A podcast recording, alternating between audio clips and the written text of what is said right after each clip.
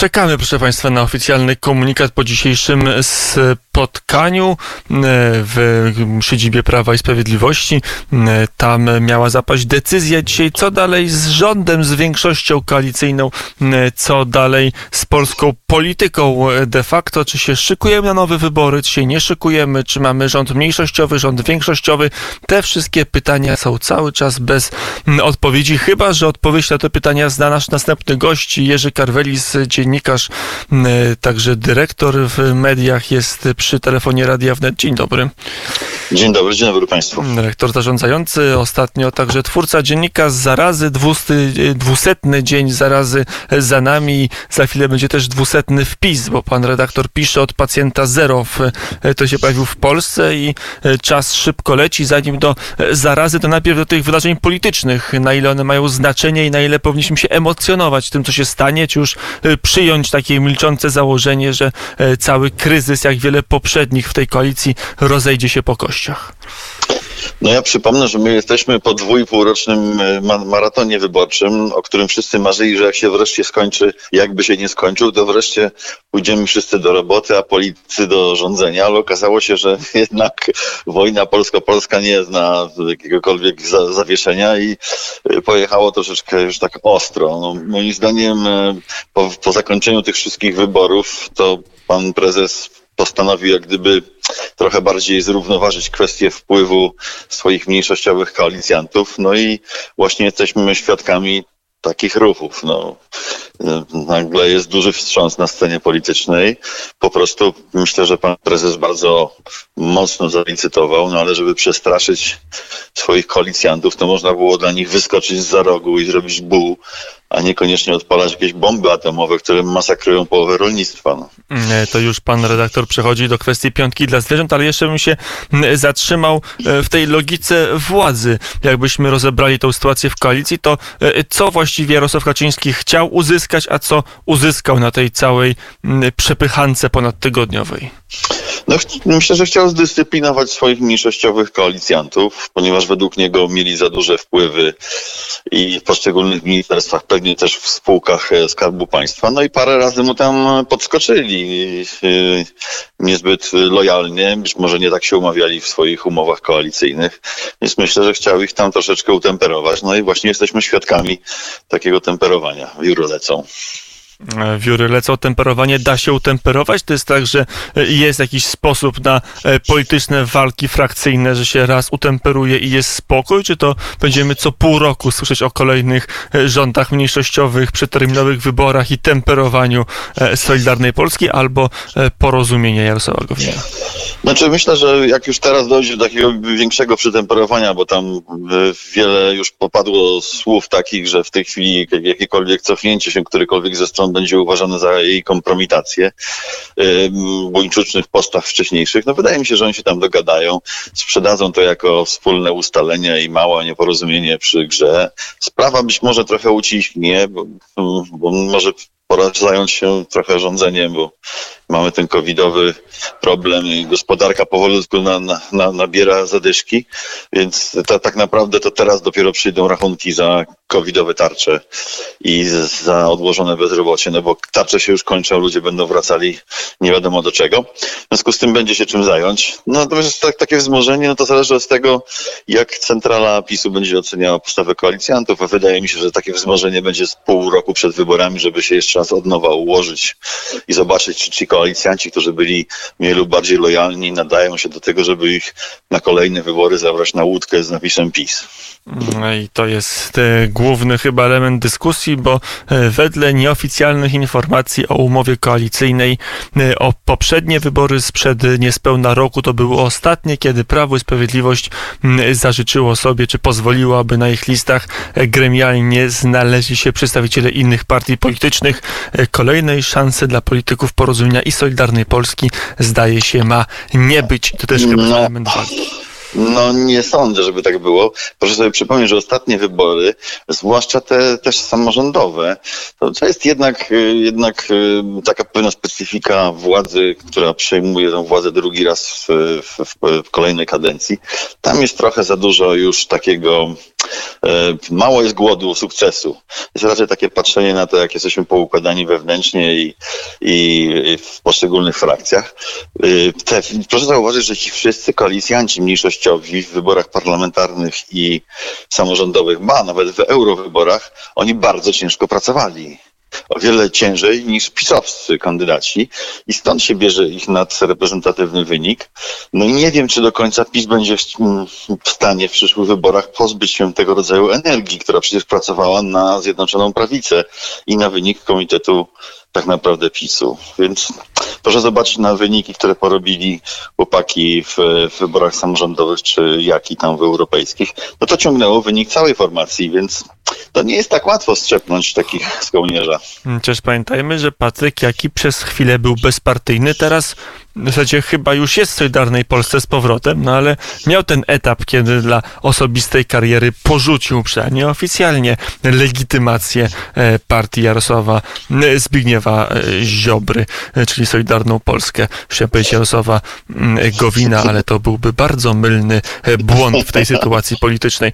Panie redaktorze, to przejdźmy do tej piątki dla zwierząt, bo to chyba miał być taki katalizator, który miał być przykrywką do, do wstępu do rozprawy z mniejszymi mniejszymi koalicjantami. E, w tej chwili, kiedy my rozmawiamy w Senacie na Komisji Ustawodawczej trwa wysłuchanie publiczne w tej e, sprawie. Na ile ta ustawa jest antyprzedsiębiorcza, na ile jest e, po prostu prozwierzęca i takiego trzeba odbierać? Jaki tu jest ten element, na ile ten element serca dla zwierząt wkracza w element możliwości działania polskiego biznesu?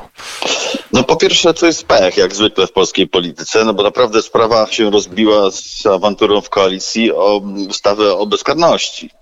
Tak, i tutaj nielojalność y, formacji y, pana Ziobry spowodowała kryzys i wycofanie tej ustawy z głosowań, dlatego że PiS nie mógł sobie pozwolić na to, żeby przegrywać z koalicjantami własne ustawy.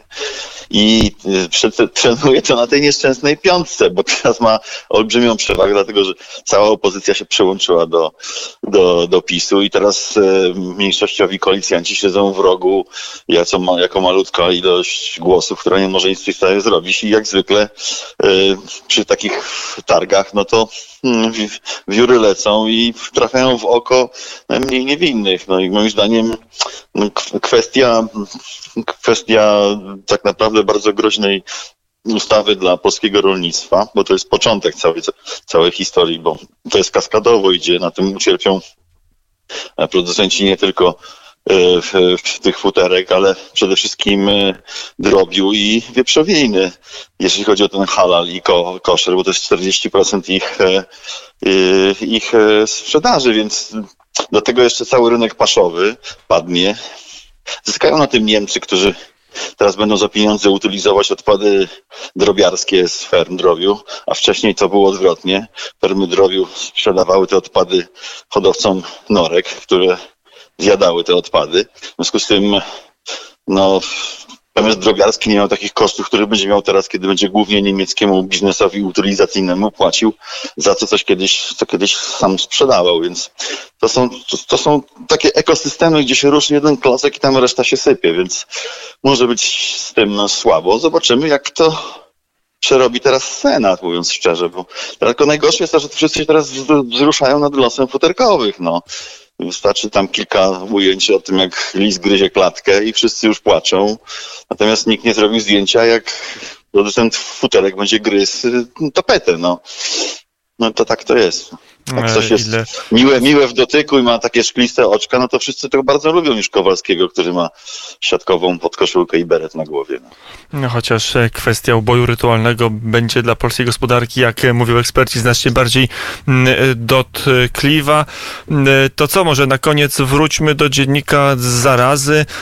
W dzisiaj prawie tysiąc y, nowych zakażeń, 20 osób y, śmiertelnych. Pan w 21 września y, napisał, popełnił wpis prawdziwy bilans ofiary COVID-a, bo chyba trzeba zacząć inaczej liczyć ofiary, nie tylko te bezpośrednie, ale także te, które umarły chociażby z powodu braku dostępu do odpowiedniej służby medycznej. No zacznijmy od początku. Po pierwsze, jeżeli chodzi o ilość zakażeń, ona jest równoważna i proporcjonalna do ilości zrobionych testów.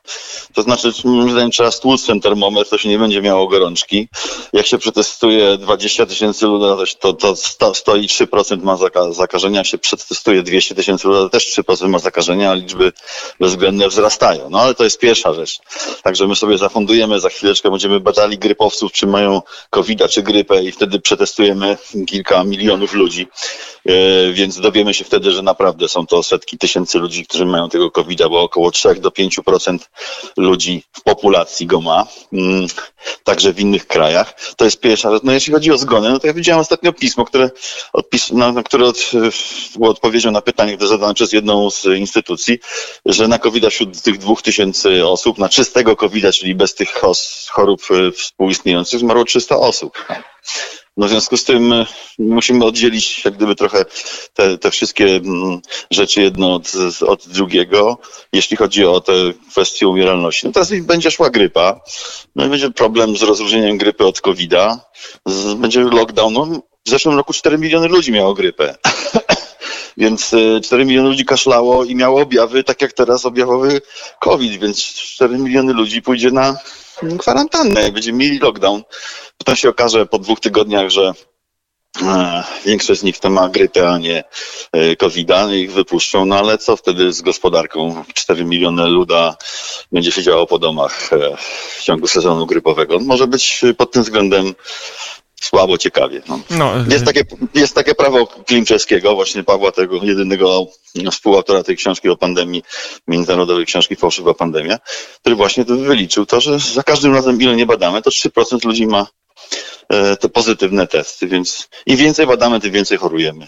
W związku z tym można sobie produkować drugie fale, e, tak dalej. No się przebada tylu ludzi, to tyle wyjdzie zawsze. To ostatnio mieliśmy 20 parę tysięcy testów, chociaż w innych krajach jest tych testów więcej i rzeczywiście wyników jest więcej. Izrael takim przykładem ostatnio e, prawie 7 tysięcy e, przypadków. No ale Izra Izrael sobie to sam zrobił, bo oni mieli problem, że premier Netanyahu był obiektem wielotysięcznych, potwornie dużych manifestacji w całym Izraelu i zaczął testować e, Izraelczyków i w, ramach prawa klimczewskiego, jak dużo potestował, to, wzrosła liczba zakażonych, w związku z tym wprowadził e, drugą falę i drugi lockdown i pozbył się manifestacji, ponieważ jak jest lockdown, to nie jest zakaz gromadzenia się. Ma spokój. E, To jest e, chyba bliskowschodnia e, tendencja w Libanie. Można powiedzieć, jest podobnie też, jest pełen lockdown, też władze mają problem, też nie chcą protestów, e, też Libańczycy siedzą po domach, tylko znacznie e, gorszym ekonomicznym skutkiem, bo Liban e, finansowo i gospodarczo leży na łopatkach. No dobrze, to tyle jak na razie opowieści o covid On jeszcze będzie z nami przez pewien czas obecny, chociaż dzisiaj informacja istotna, że podobno w Polsce mamy lekarstwo, nie jest to szczepionka, ale jest to lekarstwo z surowicy, które jest skuteczne, więc e, można je podawać, to przynajmniej o te e, 300 ofiar mogłoby być mniej, jeżeli to jest lek w pełni skuteczny. Jerzy Karwelis, e, dziennikarz, publicysta, był gościem popołudnia wnet. Dziękuję bardzo za rozmowę. Dziękuję panu, dziękuję państwu. I do usłyszenia. Do usłyszenia.